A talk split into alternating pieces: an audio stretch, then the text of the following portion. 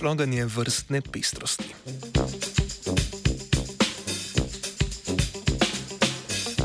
Do kakšne mere lahko območja z bogato biodiverziteto ustvar, ustvarijo klimatsko zavetje za organizme med globalnim segrevanjem?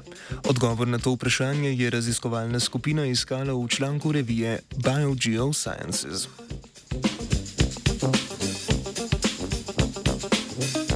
Zadnji podatki o hitrosti segrevanja ozračja kažejo, da se bo do konca tega stoletja Zemlja segrela za 3 stopinje Celzija. To je tretji in hkrati najslabši scenarij, ki ga je pripravila projektna skupina Svetovnega programa za raziskave podnebja. To bi bilo za življenje na Zemlji lahko pogubno, še posebej za območja z bogato biodiverziteto. Delimo jih na kopenska, sladkovodna in morska okolja, eno takih so recimo koralni grebeni. Raziskovalna skupina je v objavljenem delu zanimalo, ali bi lahko območja z bogato floro in fauno predstavljala neke vrste počasni pas za klimatske spremembe. To bi organizmom omogočilo več časa za prilagoditve na spremembe temperatur.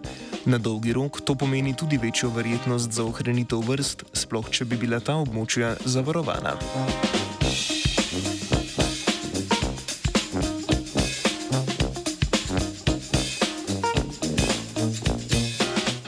Znanstvenice in znanstveniki so iskali primerjavo med sedanjimi ter predvidenimi globalnimi temperaturnimi spremembami znotraj in izven območij z bogato biodiverziteto. Podatke o sedanjih globalnih spremembah so sestavljale temperature zraka in oceanov v zadnjih 50 letih. Predvidene globalne spremembe temperatur pa so povzeli iz intenzivnih raziskav, ki trenutno potekajo povsod po svetu. Območja z bogato pestrostjo vrst so izbrali na podlagi treh poročil, izdelanih med letoma 2020. 2002 in 2020.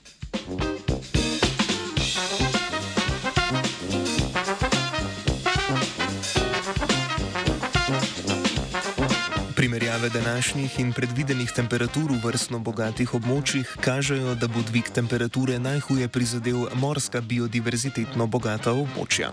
Po njihovem razvoju so pomembni predvsem okoljski pogoji in ne toliko geografska izolacija, značilni za kopenska in sladkovodna okolja, kot naprimer otoki, gorski vrhovi ali jezera. Zato so morska območja med seboj bolje povezana in so ob spremembah dovzetnejša za množično izumrtje.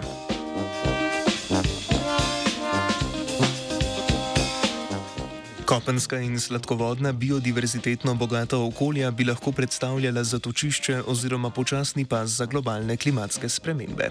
Za obe vrstno bogati okolji sta značilna geografska izolacija in posledično razvoj endemitov. Prav geografske barijere so najverjetneje tiste, ki bodo ščitile vrstno pestrost območja pred prehitrim dvigom globalne klime, omogočile boljše ohranjanje lokalnega okolja in potencialno tudi razširitev njegovih meja. Vsekakor novice o ohranitvi z organizmi bogatih okolij glede na trenutne napovedi niso spodbudne. Predvsem so na udaru morska okolja, a vseeno imamo še nekaj časa, da naš skupni prostor ohranimo v stanju primernem za življenje. Prihodnost bogatih biodiverzitetnih območij je napovedovala Lea.